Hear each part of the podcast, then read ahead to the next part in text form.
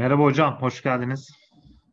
Bu sefer hocam epigenetik konusunda biraz giriş yapacağız. Ben yine size bırakıyorum. Burada ben ders dinleme moduna geçeceğim. En azından herkes için ortak sorulabilecek soruları sorarım. O şekilde katılırım. Sizin için daha uygun olur sanırım. Tamam. Ee, senden o zaman sunumu açmanı rica edeceğim. Şimdi bugün epigenetiği ben paylaşmak istiyorum. Epigenetik de şu malum UFO'lar, uzaylılar konusunda veya Anunnakiler konusunda bilgi verenler tarafından keşfedildi. Ben biraz epigenetik nedir, ne değildir, ne gibi özellikleri vardır ve bunun uzaylılarla ya da Anunnakilerle bağlantısı varsa bu nasıl olabilir diye açıklama yapmak istiyorum bugün. Şimdi önceki videoda senle bu 12 sarmal DNA yalanından bahsetmiştik ve 12 sarmal DNA yalanında sembolizm dilinden de kısaca bahsettik. Sen o sembolizm kısmında herkesin ortak bir şey çizmesi ve ortak simgeleri kullanması sanki bir ortak hafıza. Evet, e, kolektif bilinç. Evet, kolektif bilinç durumunu ortaya çıkarıyor demiştin. Ben de o esnada bu olayı ben epigenetiğe bağlıyorum demiştim. Gerçekten bu kolektif bilinç epigenetikle açıklanabilecek bir durum. Şimdi epigenetiğe DNA hafızası diyorlar ki aslında doğru bir tanım. DNA'mızın da böyle hafızası dediğimiz belli depolama alanları var. Epigenetik genetik 10 yıldır çok ciddi çalışılan bir bilim dalı ve birçok ezberi bozacak. Aslında 50 yıldır bilinen bir bilim dalı. Ancak 2010 yılından itibaren çalışmalarını arttırmış. 2010 yılından itibaren çalışmalar niye artıyor? Tabii ki bu da yine bir teknolojik gelişmeyle paralel giden bir durum. Teknoloji ne kadar çok gelişirse biz de genetik alanında, epigenetik alanında o kadar bilgi elde ediyoruz. Peki epigenetik ne? Bu DNA hafızası ne? Bununla ilgili çalışmalar nasıl ortaya çıkmış? Biraz bundan bahsedeceğim. Şuraya koyduğum Nature haberi genellikle epigenetikle ilgili konuşma yapan insanların referans verdiği haber. Epigenetikle ilgili konuşan insanlar bir fare örneği verir. İşte o fare deneyin anlatıldığı haber burası. İlgilenenler tıklayabilir. Bir fareye koku veriliyor. Kokudan sonra da fare korkutuluyor. Ve bu işlem belli aralıklarla tekrarlanıyor. Yani fareye koku veriliyor daha sonra fare korkutuluyor. Bu Pavlov'un köpek deneyi gibi şartlı bir refleks ortaya çıkmaya başlıyor. Ve bu farenin kanındaki protein miktarına bakılıyor ve korkmasıyla beraber kanındaki belli proteinin arttığı gözlemleniyor. Koku veriliyor, ardından fare korkutuluyor. Koku veriliyor, ardından fare korkutuluyor. Bir süre sonra bu fare ne olacaktır? Koku duyduğu gibi korkmaya başlayacaktır değil mi?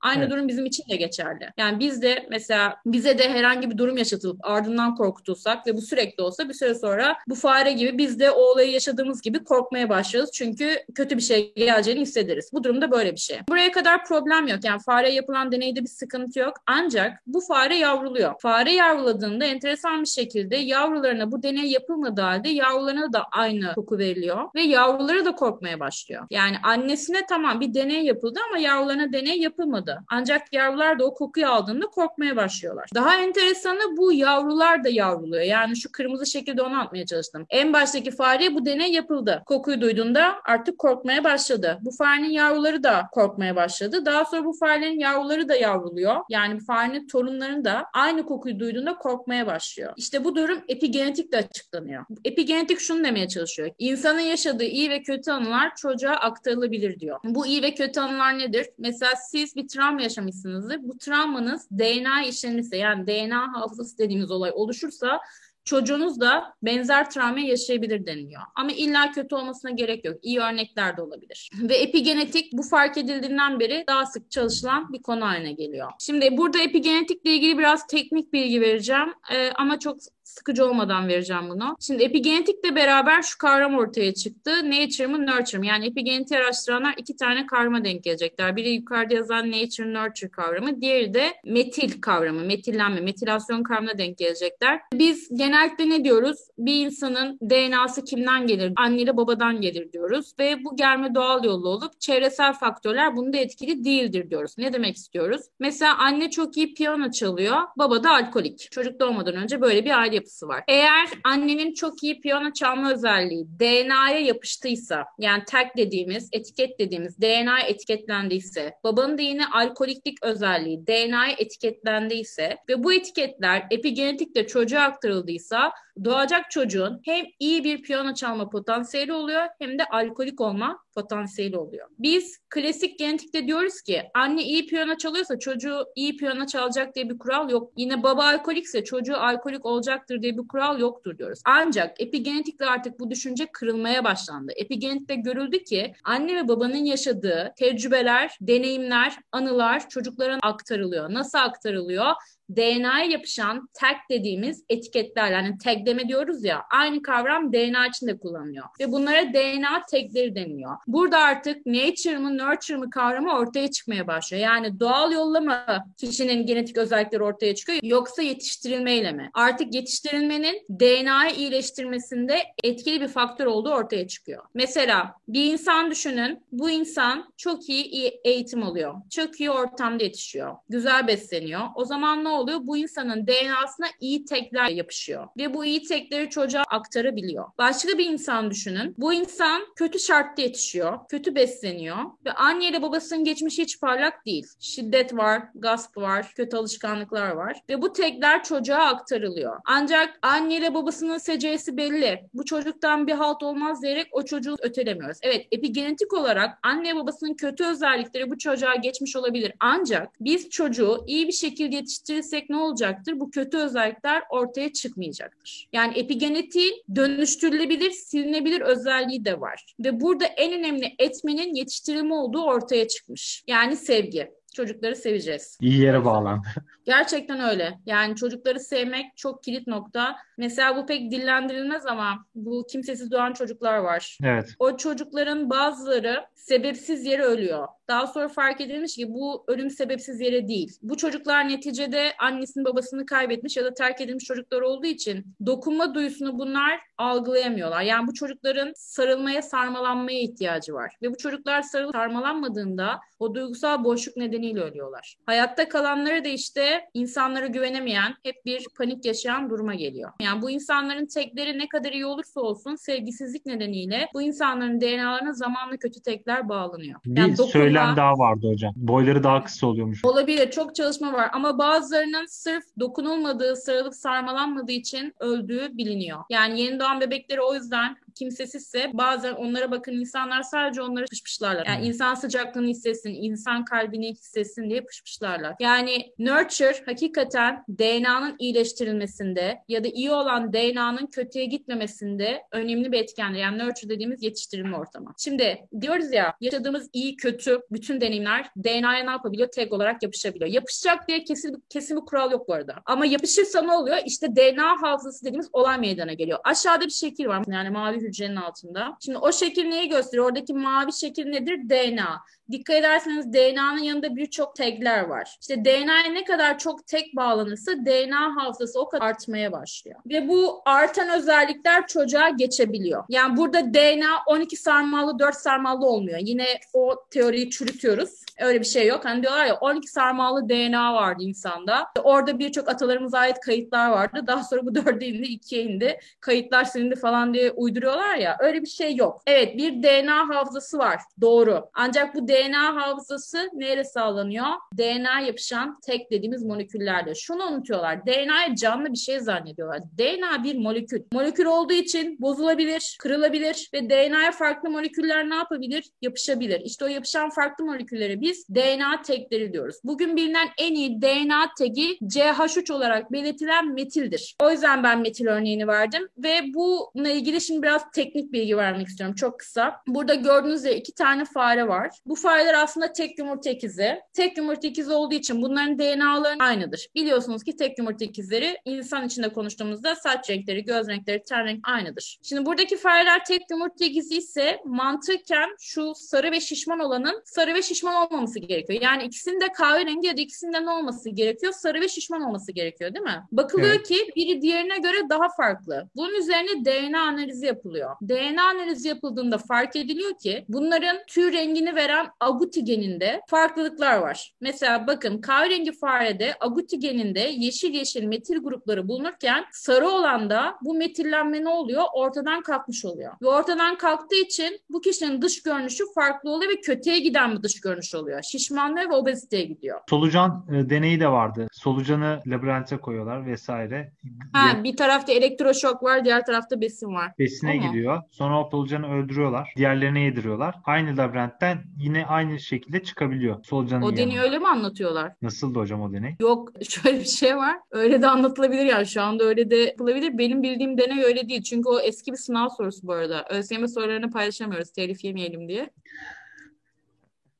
Eski bir sınav sorusu. O deney şöyle, yani benim bildiğim şöyle. ÖSYM sorusu olarak sorulan soruyu söyleyeyim. O deneyler yassı solucanlarla yapılıyor. Yassı solucanların rejenerasyon özelliği var. Yani ne demek? Kafasını kesiyorsun, kendine yeni bir kafa çıkartıyor. Bu canlılar böyle. Yani bu canlıları keserek, biçerek öldüremezsiniz. Bu canlıları herhalde yakmanız gerekiyor. Yapılabilecek en iyi yöntem o. Yani çünkü kesersiniz, ikiye bölersiniz iki tane yeni yaz solucan oluşur. Rejenerasyon dediğimiz kendini ciddi oranda yenileme özellikleri var. Şimdi o deneyde yaz solucanlar kullanılıyor. Tabii ki bir süre sonra tecrübe ederek bir tarafta besin bir tarafta elektroşok olduğunu anlıyor. Ancak bunların kafaları kesildiğinde yeni kafa ortaya çıkıyor ya. Yeni kafada hafıza siliniyor. Hafıza silindiği için tekrar deney başlatıldığında bunlar tekrar elektroşok olan odaya ve besin olan odaya geri dönüyorlar. Yani deney başa sarmış oluyor. Bu deneyin bize gösterdiği sonuç nedir diyoruz. Hani Hani biyolojide biz bunu anlatıyoruz. Yaz solucanlarda hafıza var, öğrenme var. Ancak yeni kafa çıkmasıyla o hafıza ve öğrenme gidip her şey sil baştan oluyor diyoruz. Ama yedirilip o bilginin onlara aktarılması enteresan. Yani öyle bir şey olabilir. Hiç araştırmadım. Bilmiyorum. Bunu bir deney olarak ben şu şekilde anlatayım. Besine gidiyor solucan ama solucanın hangi yolu izlediği bilinmiyor. Çünkü solucan her yolu deniyor. Besine gidiyor. O solucan öldürülüp diğer solucanlara yedirildiğinde yiyen solucanlar bu sefer daha kusursuz bir şekilde besine ulaşıyorlar. Olay Olabilir. bundan ibaret. Bu eski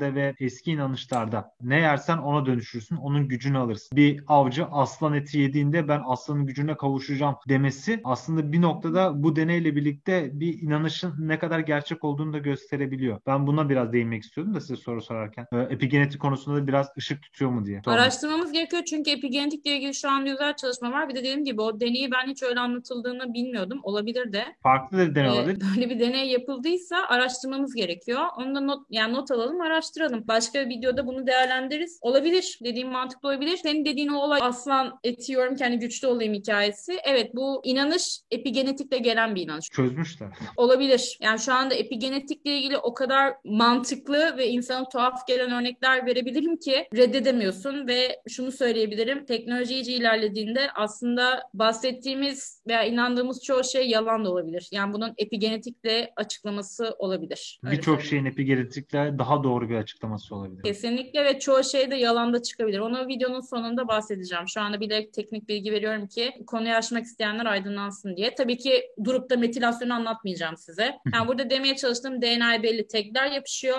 Ee, bu teklerden en iyi mekanizması bilinen metil. Yani metilasyon olayı. Hatta bu olayla ilgili o kadar değişik çalışmalar var ki birazdan detayına gireceğim. Neticede insanla ilgili epigenetik çalışma yapılacak değil mi? Biz ne dedik? İnsanın yetiştirilmesi önemli dedik. Ancak insanın ilk çevresi neresi? Anne karnı değil mi? Dolayısıyla insanla ilgili bir epigenetik çalışma yapılacaksa ta annenin hamileliğinden başlanılması gerekiyor. Anlatabildim mi? Çünkü insan ilk oluştuğu çevre anne karnı. O yüzden anne hamilelik döneminde travma yaşadı mı not edilmeli. İyi bir şey yaşadı mı not edilmeli. Kötü bir şey yaşadı mı not edilmeli. Mesela anne hamileyken atıyorum iflas yaşadı. Evine haciz geldi. Her şeyini kaybetti. Ve anne bir travma yaşadı. Bu travma çocuğuna geçebilir. Ve geçtiğinde çocuk habire para kaybetmekten, mal kaybetmekten korkan bir insan olabilir. O yüzden hani bu metillenme mekanizmasıyla da mesela kanser gibi şeylerle çözülebilecekse hani annelere hamilelik döneminde az metil içeren gıdalar tükettirelim mi, tükettirilmeyelim mi diye hani tartışma konuları oluyor. Anlatabildim mi? Yani bugün günümüzde gelişmiş ülkeler metil diyetinden falan konuşmaya başlıyorlar. Çünkü beslenme hani o yüzden ben senin aslında anlattığın deneyi çok hafife almıyorum. Çünkü GDO'lu ürünlerden bahsediyoruz değil mi? Bu GDO'lu ürünleri neden insanlar yemek istemiyorlar? Habire ne diyorlar? DNA'mızı değiştirecek, DNA'mızı değiştirecek diye.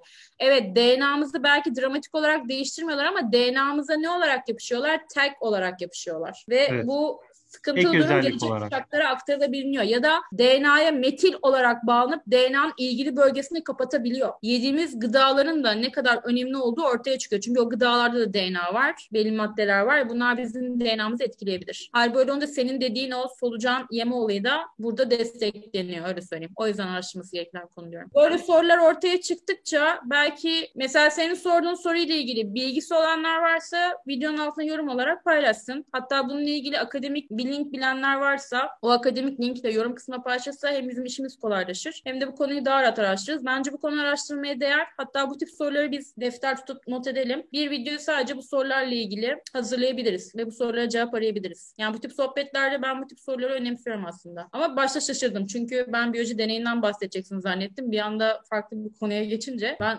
evet ya böyle bir şey de olabilir diye böyle bir ikilemde kaldım öyle söyleyeyim. Şimdi epigenetiğin varlığı artık biliniyor. Ya aslında 50 yıldır bilinen bir bilim dalı ama 50 yıl önce evrimsel çalışmalarda kullanılan bir kavramdı. Ancak son yıllarda fark ediliyor ki genetik ötesi deniyor zaten epigenetiğe. Farklı bir çalışma alanı ve alt bilim dalı olarak artık 2000'li yıllardan beri varlığını gösteriyor. Yani epigenomik dediğimiz epigenetik çalışmaların yapıldığı bir bilim dalı var. 2010'dan beri de teknolojide ciddi ilerleme olduğu için epigenetik çalışmaları da arttı. Ancak epigenetik çalışmalara baktığımızda hani insanla ilgili epigenetik çalışmalara baktığımızda pek bilgi bulamıyorsunuz. Çünkü epigenetikle ilgili hani insanla çalışmak zor. Ne gibi zorlukları var? Bir kere hani DNA'daki teklerin farklılığını tespit etmeniz gerekiyor. Yani DNA izolasyonu yapacaksınız ve oraya yapışan molekülleri tespit edeceksiniz. İnsanla ilgili çalışmalarda neye ihtiyacınız var? Tek yumurta ikizlerine. En güvenli çalışmayı çünkü sana onlar sunuyor. Yani bu çalışmaya niyetli olacaksın ve bunun içinde bir de tek yumurta ikizi bulacaksın. Zor iş. Ama bu deney yapılmış mı? Yapılmış. Kim tarafından? NASA'cım tarafından. Şurada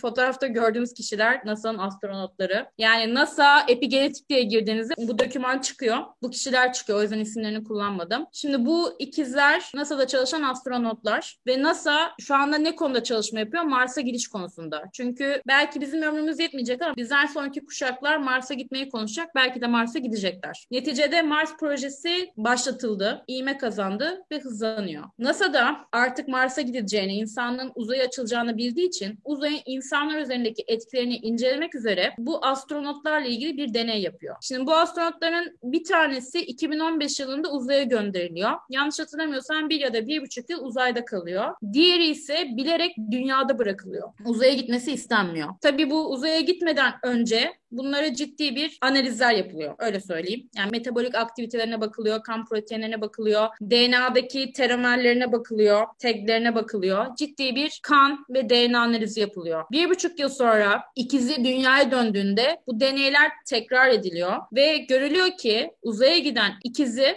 diğerine göre gençleşmiş biyolojik olarak. Zaten dış görünüşten de genç duruyor da iyice gençleşiyor adam. Anlaşılıyor ki uzayın yaşlanmayı geciktirici etkisi var öyle söyleyeyim. Ve e, epigenetikle ilgili bu tarz bir çalışma yürütüyor ve bununla ilgili dokümanları da paylaşıyor. Yani dediğim gibi NASA ve epigenetik diye girdiğinizde bu ikizler karşınıza çıkacaktır. Yani NASA gibi kuvvetli ve paralı bir kurum olmalısınız ki epigenetik çalışma yapasınız. Yani bu iki yıllık, üç yıllık TÜBİTAK çalışması olmaz. Yani bir hoca da epigenetik konusunda çalışacaksa ömrünü bu işe adamalı. Hele ki insanla çalışacaksanız ki insanla çalışmanız gerekiyor. Çünkü epigenetikle ilgili insanla durum bir sır. En az 10 yıllık çalışmalar ve data toplamaları gerekiyor.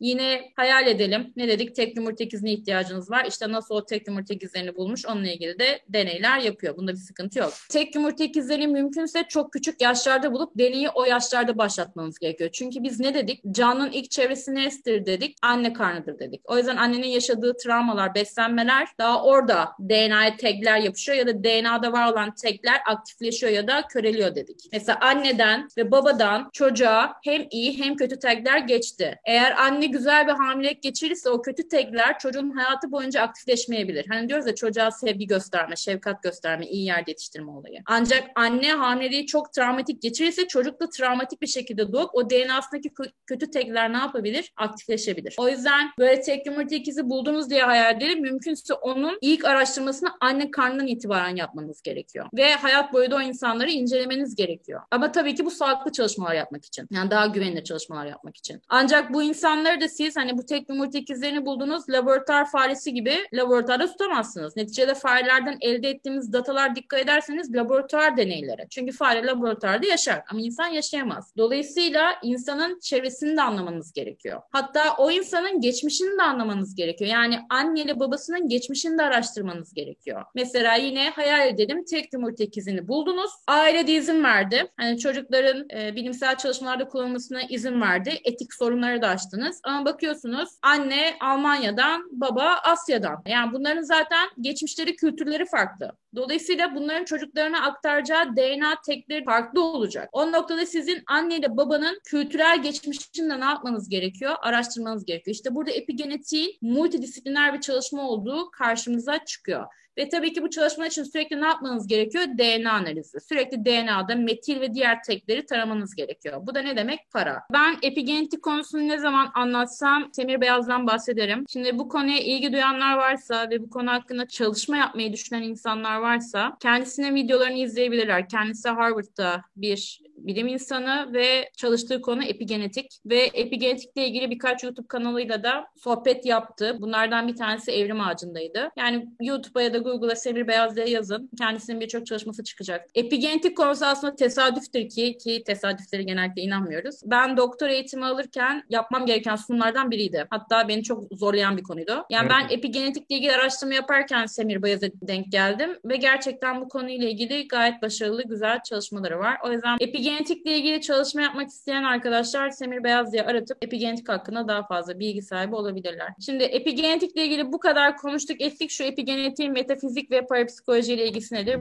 Biraz bundan bahsedelim. Şimdi bu konuyla ilgili video hazırlayanlar epigenetiği biraz öğrenmiş. Genellikle epigenetiği DNA hafızası diye anlatıyorlar. Bazıları DNA hafızası kavramını öğrenmiş. İşte atalarımızdan gelen bir DNA hafızası var. İşte bunlar böyle ortaya çıkıyor diyor da bu kavramın epigenetik olduğunu bilmiyor. Bazıları da epigenetiği biliyor ama bunu uzaylılar yerine daha böyle cin bilmem neye bağlamayı tercih ediyor. Şimdi epigenetik şöyle söyleyeyim bildiğimiz çoğu ezberleri ilerleyen yıllarda bozulabilir. Mesela reenkarnasyon olayı var mı yok mu epigenetik çalışmalar ilerledikçe öğreneceğiz. Şahsi olarak ben reenkarnasyon olayını doğru bulmuyorum. Yani bana biraz fazla bilim kurgu geliyor. Atalarının hafızasına erişmiş olabilirler. Genetik olarak kendilerine olabildiğince ha. yerleşmiş taglerin ulaşmış olabilirler. Yani ben düşmekten korkuyorum çünkü benim atalarım ağaca çıkmıştı ve ağaçtan düşmekten korkuyor. Karanlıktan korkuyorum çünkü gece karanlığı hayvanı değil. Bu çok normal bir şekilde binlerce yıldır benim genime işlemiş durumda. Kesinlikle dediklerine katılıyorum. Ben de senin gibi düşünüyorum. Yani atalardan gelen bir tag,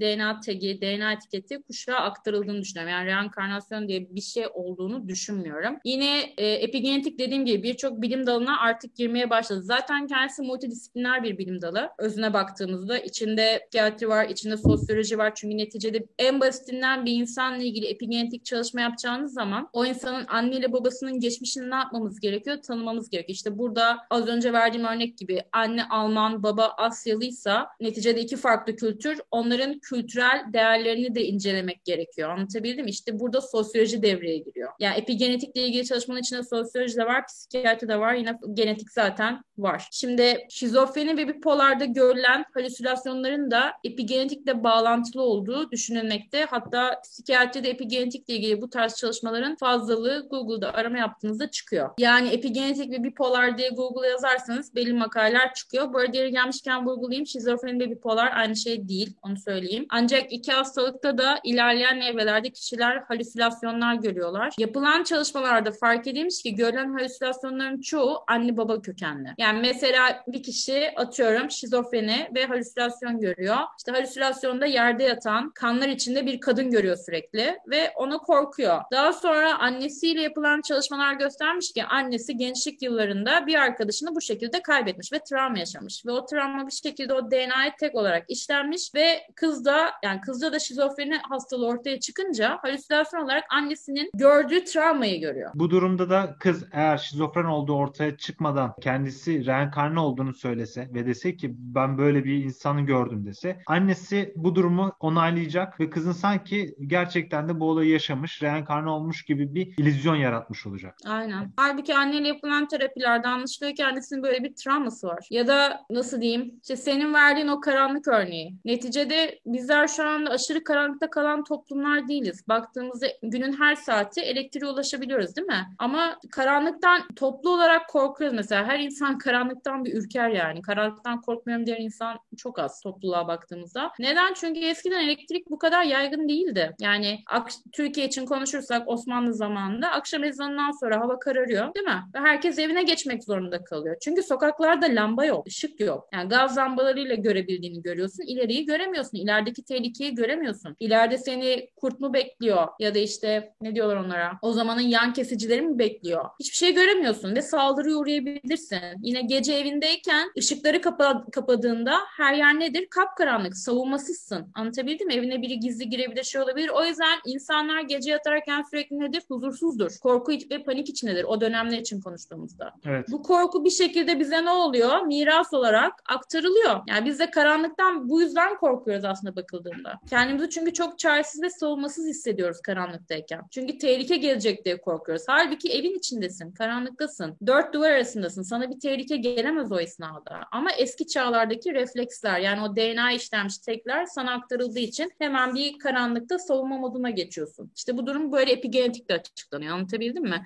O yüzden epigenetik bence metafizik ve parapsikolojideki çoğu olayı yıkabilir. Yani yıktığında insanlık buna hazır olur mu? Ya ben şahsen beni bozmaz yine öyle söyleyeyim. Mesela ben ilk başta yıkacak kavramlardan bir tanesinin reenkarnasyon olduğunu düşünüyorum. Bayağı saçma buldum bir konu. Ve ikimizin de ilgili olduğu ve inandığı konuyla ilgili de yalan durum çıkabilir ya da bunu destekleyen durum da çıkabilir. Şimdi uzaylı kaçırmaları ve uzaylılarla ilgili de durum epigenetiğe bağlanabilir ve epigenetik çalışmalar ilerledikçe bu durumun ya hayal olduğu ortaya çıkacak ya da gerçek olduğu ortaya çıkacak. Çünkü uzaylı kaçırılmalarında şöyle bir şey oluyor. Kaçırıldığını iddia eden insanların çoğu annelerin ve babalarının da zamanda kaçırıldığını iddia ediyor. O yüzden uzaylı kaçırılmaları hakkında araştırma yapan insanlar hep şey der. İşte kaçırılmalar kuşaktan öncesinde başlamışlar. Uzaylıların yani belli bir aileyi seçtiğini ve bu elden doğacak çocukları da kaçırdığı iddia ediliyor. Bu noktada bunun doğru mu, gerçek mi epigenetikte açıklanacak. Çünkü anne baba hayal görüyorsa bu hayal büyük olasılıkla niye işlenecek? Gene aynı mantık DNA'ya etiket olarak işlenecek. Daha sonra bu epigenetik çocuğa da geçtiğinde çocuk da kendi uzaylılar tarafından kaçırıldığını zannedecek. Böyle bir durum da var. Hani bu olayın yalan mı gerçek mi olduğunu epigenetikte anlayacağız ya da gerçekten bu olay doğru. İşte o da yine, yine neyle anlaşılacak? Epigenetikle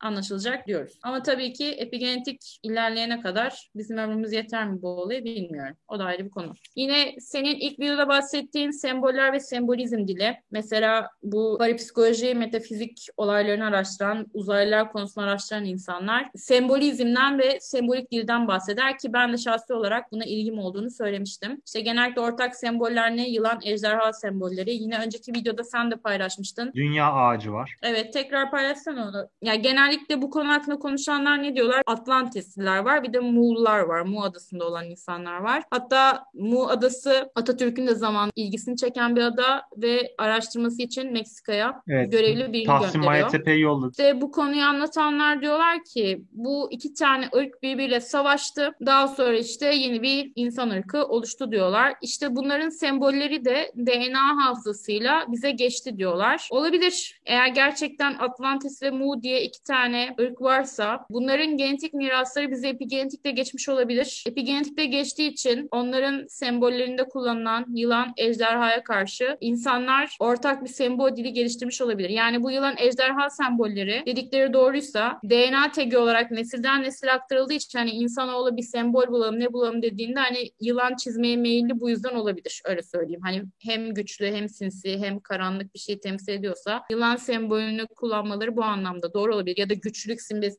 için aslan kullanılması gene doğru olabilir. Yine Şimdi başka bir şey söyleyeyim hocam. O bu diğer konuya geçmeden önce. Şimdi siz güç güç için çevremizde görebileceğimiz en iyi örnek ayı ve aslan olabilir. Bunu kullanmak istemeleri çok normal ve mantıklı görünüyor. Ama şöyle bir durum var. Dünya ağacı. Bu dünya ağacı sembolünde şöyle bir özellik var. Ağaç ve kökleri var. Ortada da bir insan oluyor. Genelde bir insan oluyor. Ve bu yaşamdan ölüme geçişi anlatıyor. Dalları var iki yana açılmış. Ortada insan var. Ağacın kökleri var. Ve ortamda bir de yılan olur genelde. Onu da şurada görebilirsiniz. Mesela buralarda yine bazı hayvanlar var. Dört köşesinde de hayvan olur. Hı hı. Şimdi bunu bıraktığımızda bu Mayalardaki bir kültür. Şurada da örnek vereyim. Mesela burada da var. Şurada renkli bir şekilde burada belli oluyor. Yine çevresinde iki tane insan var. Ee, Sağ tarafta ve sol tarafta yine insan var. Ortada ise bir artı şekil var. Bu genelde Hı. daha eskileri gittiğimizde yine tavuğa benziyor. Tavuğu da e, yine Mu kitaplarını okuyanlar bilirler. Bu Mu kıtasına kadar gidiyor. Ama onunla çok fazla bağdaştırma gerek yok. Doğrudan bu ağaç, ikonik ağaç sembolü. Altı kök, üstte de dalları vesaire var ve en üstünde de yine bir kainatı e, simgeleyen kuş vesaire oluyor. Ama çevresinde yılanlar da oluyor. Ve hı hı. yine ortada insan, üstte ikonik bir hayvan, ağacın dallarında da yılanlar oluyor. Bu Maya kültüründe bir sembol. Bu Kral Pakal'ın de var, başka yerlerde de var. Daha öncesinde çizilmiş başka mezarlarda da bulunuyor. Burada da mesela Kral Pakal'ın lahitindeki oyma var. Kral Pakal mesela burada artık Kral Pakal olduğu da bilinmiyor. Erik von Däniken tarafından bu aslında rokete binen biri olarak antik astronot olarak söylenmişti. Hmm.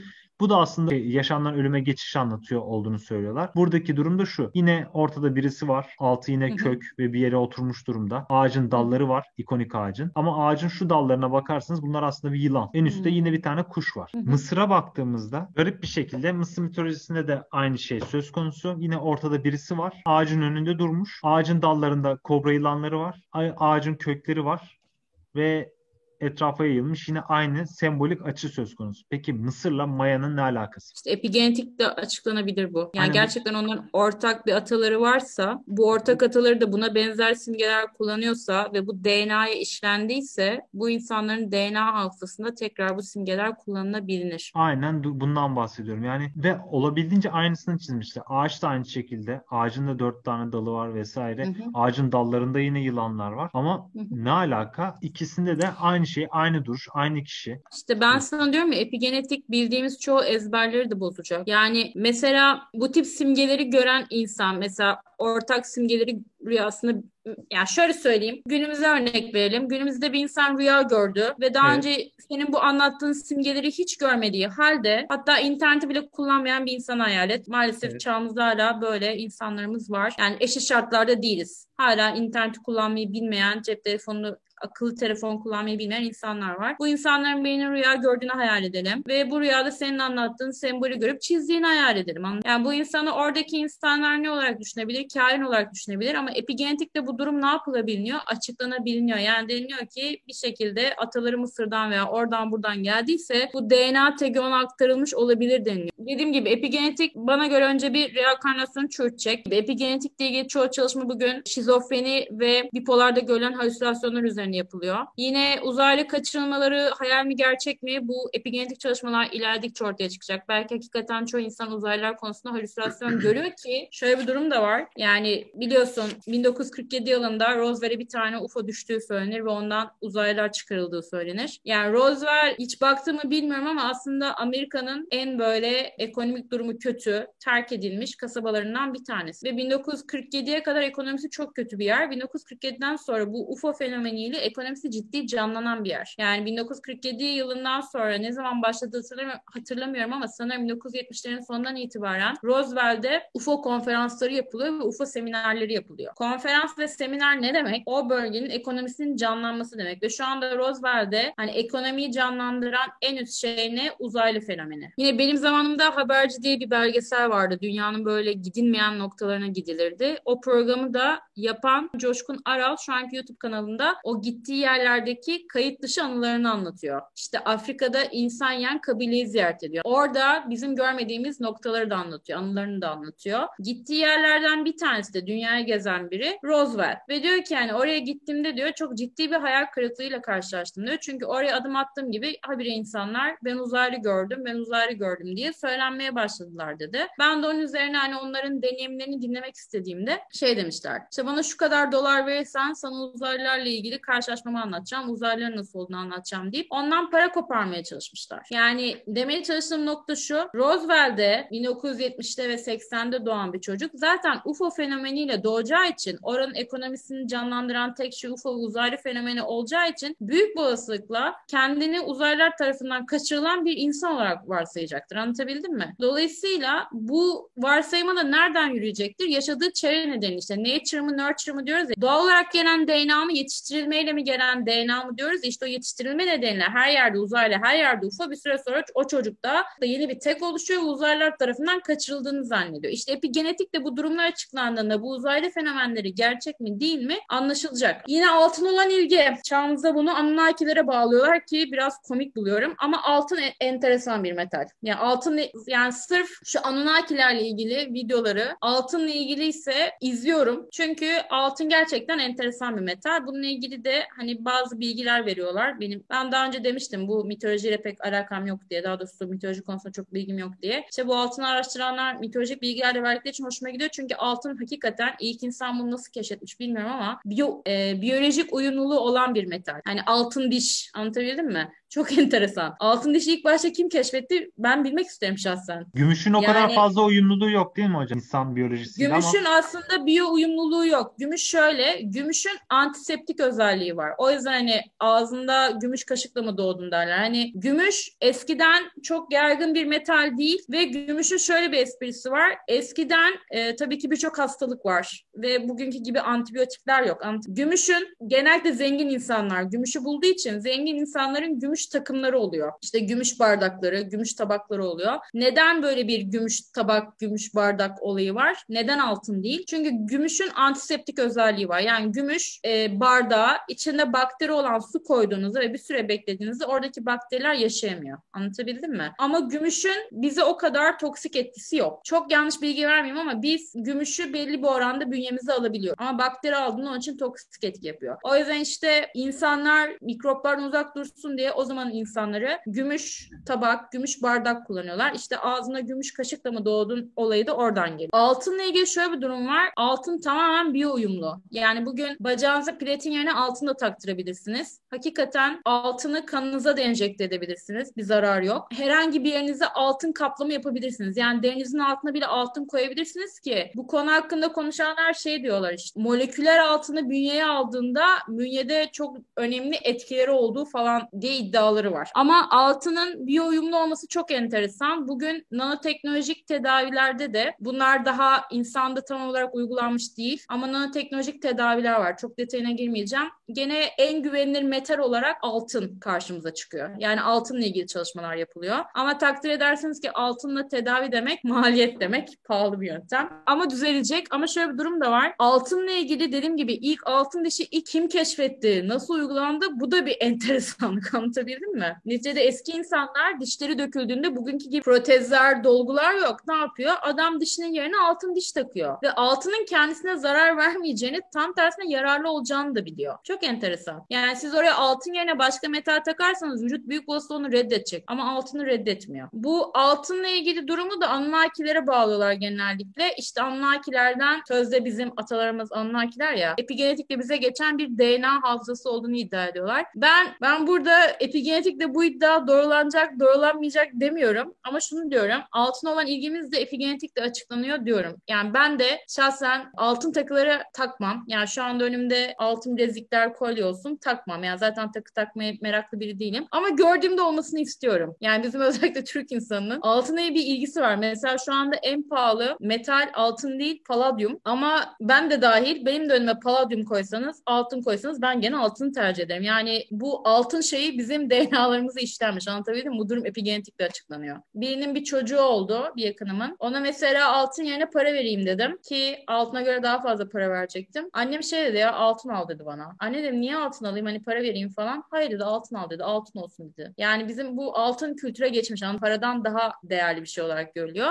Ve ben Sarıyı de göreyim. seviyorum şahsen. Efendim? Sarıyı göreyim yani. Parayı değil sarıyı göreyim. Kesinlikle şöyle bir durum var diyorum ya sana ben altın bilezik, altın kolye ilgi duyan biri değilim, takan biri değilim ama mesela gördüğümde olmasını istiyorum. Yani şu anda imkanım olsa hayır demem. Böyle bir durum. Altınla ilgili durum bu. Yine alkol ve uyuşturucu bağımlılığının epigenetikle çözüleceği düşünülüyor. Neticede alkol ve uyuşturucu bağımlısı olan anne babanın çocuğu da büyük olasılıkla bu tip bağımlılık, bağımlılıklara yatkın olacaktır. E, ama epigenetik mekanizma iyi anlaşıldığında e, neticede epigenetik silinebiliyor, tersine çevrilebiliyor. Yani bu çocuğa aktarılan tekler düzgün yaşantıyla, sevgiyle, iyi çevreyle ne yapılabiliyor? Söküp atılabiliyor. O yüzden epigenetikle ilgili ne kadar bilgi öğrenirsek o kadar e, bu olumsuz örnekler dışında olumlu örneklerini de tedavi anlamında göreceğiz. Şimdi el cümle şunu demek istiyorum. Epigenetikle ilgili gelişmeler yine en başa dönüyoruz. Nasıl olacak? Teknolojinin sıçramasıyla olacak. Ve teknolojinin sıçramasıyla her durum epigenetikle açıklandığında işte birçok fenomenin yalan mı gerçek mi olduğunu öğreneceğiz. Buna bizim ömrümüz yeter mi? Öngöremiyorum. Eğer bizim yaşam döngümüzde teknoloji bu sıçramayı yaparsa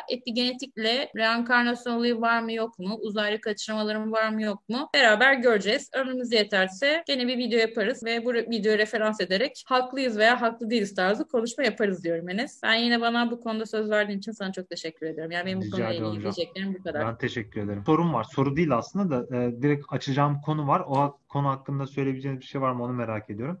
Hocam Var. birincisi Ee, var. Sorularından önce şunu demek istiyorum. Epigenetik hani dedin ya bunlar epigenetikle açıklanıyor mu diye. Aklına yani şu zamana kadar dikkat etmediğin çoğu olay aslında epigenetikle açıklanıyor. Çok basit bir örnek verirsem ben maalesef o gruba girmiyorum ama bu doğru. Dikkat edersen kızlar her yere beraber gider. Hani günlük hayattan Ha, örnek evet. verirsek. Alışverişe beraber gider ki o kız arkadaşlarımdan buradan da istemediğim nefret ediyorum. Ya şöyle bana bu teklifi yaptıklarında onlardan nefret ediyorum. Ben bir kız arkadaşımla buluştuğumda beni alışverişe çekmesine ben de sinir oluyorum. Ama kızlarda bu durum var. Yani her şeyi beraber yapmak isterler. Alışverişi beraber yapmak isterler. Tuvalete beraber gitmek isterler. Atıyorum eve yiyecek alacak. Yani sonuçta aldığın yiyeceğin bana bir yararı yok. Onda bile beraber gitmek isterler. Gel şu markete girelim bir şey alacağım derler. Kadınlarda neden böyle her şey bir kolektif yapma olayı var? Beraber ders çalışalım, beraber şey yapalım. Bu da aslında epigenetikle açıklanıyor. Eskiden yine eski çağları düşündüğümüzde o zamanki toplumda yine karanlıktan örnek verirsek elektrik yok, bir şey yok. Kadınların kendini savunması gerekiyor. Bir de savaş olan dönemlerden bahsediyoruz. Yani bazı savaşlarda ne oluyor? Ciddi bir erkek sayısında azalma oluyor ve çoğu kadın dul kalıyor. İşte sen söyle evlenemiyor, tek başına kalıyor. Böyle durumlar işte nişanlısını kaybediyor, sevgilisini kaybediyor, kocasını kaybediyor. Ee, ve kocasız, başında erkek olmayan bir kadın topluluğu oluyor. Şimdi o zamanki dünyayı düşündüğümüzde kadınlar bir yerden bir yere eskisi kadar kolay gidemiyordu. Yollar karanlık, çoğu at kullanmayı bilmiyor. Tehlikelere karşı kendini savunacağını bilmiyor, silah kullanmayı bilmiyor. O yüzden kadınlar her yere nasıl gidiyorlardı? Toplu bir şekilde gidiyorlar. Bu bir çeşit kendini koruma. İşte o genetik miras artık bize de ne yapıyor? Aktarılıyor. O yüzden günümüzde hala kadınlar bir şeyi beraber yapmaya çalışıyorlar. Durum bu. Erkeklerde çok açık konuşabiliyor mesela. Çünkü avcılıkta avlanmaya beraber gittiğinde gideceğin kişiye güvenmen gerekiyor. Benim e, sormak istediğim soru şuydu hocam. Çünkü diğer tarafta da kadının neden öyle olduğu var. Oraya girmek istemiyorum. Evet, linç yiyeceğiz.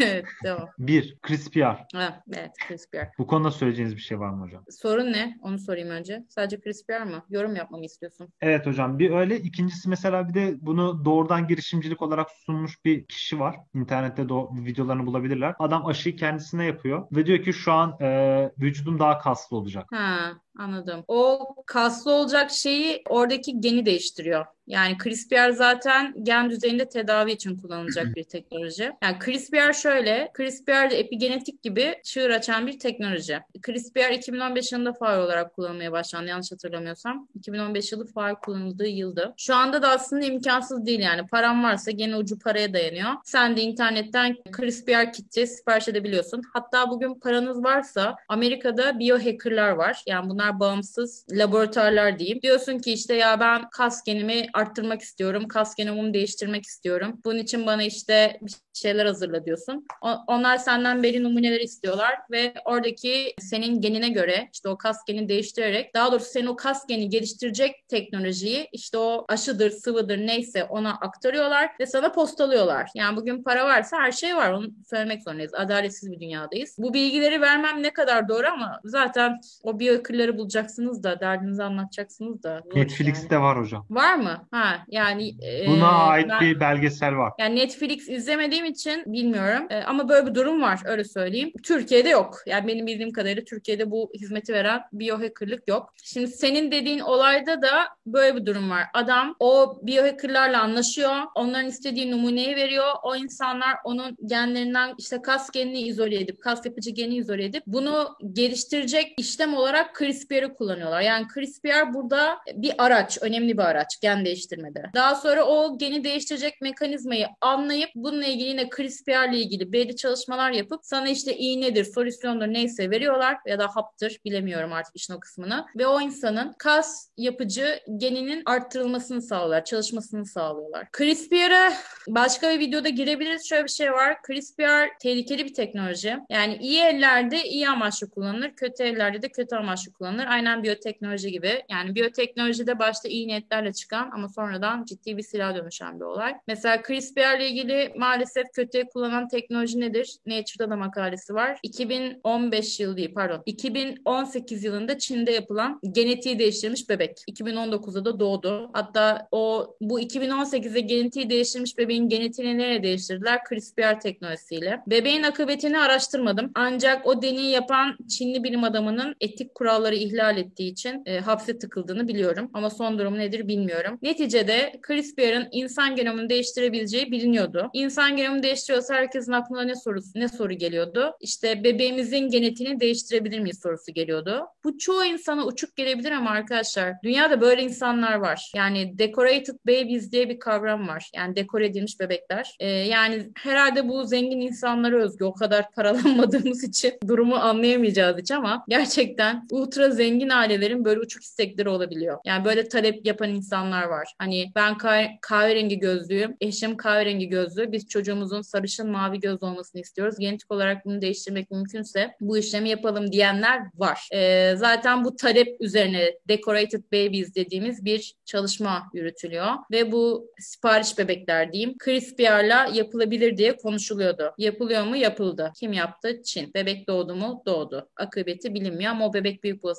laboratuvar faresi gibi bir hayat sürecek yani. Neden o bilim insanı da içeriye atıldı? Yine tekrar ediyorum. Etik kurallar çiğnendiği için. İşte zaten etik bu CRISPR biyoteknolojik çalışmaların kötüye kullanılmaması için olan bir kavram. Yani etik kurallar bu yüzden var ama işte Çin gibi ya da bizim ülkemiz gibi geliş, gelişmekte olan ülkelerde bu etik kurallar dikkate alınmıyor. Yani CRISPR uzun lafın kısası çok uzatmayacağım. Çok fazla bilgi de vermek istemiyorum. Tehlikeli bir teknoloji ama e, senin dediğin çalışmaları da yapacak şu anda en iyi teknoloji de CRISPR. Anladım hocam. Teşekkür ederim hocam ben. Rica ederim. Verdiğiniz bilgiler için. Ben de yine sana tekrar teşekkür ediyorum Enes.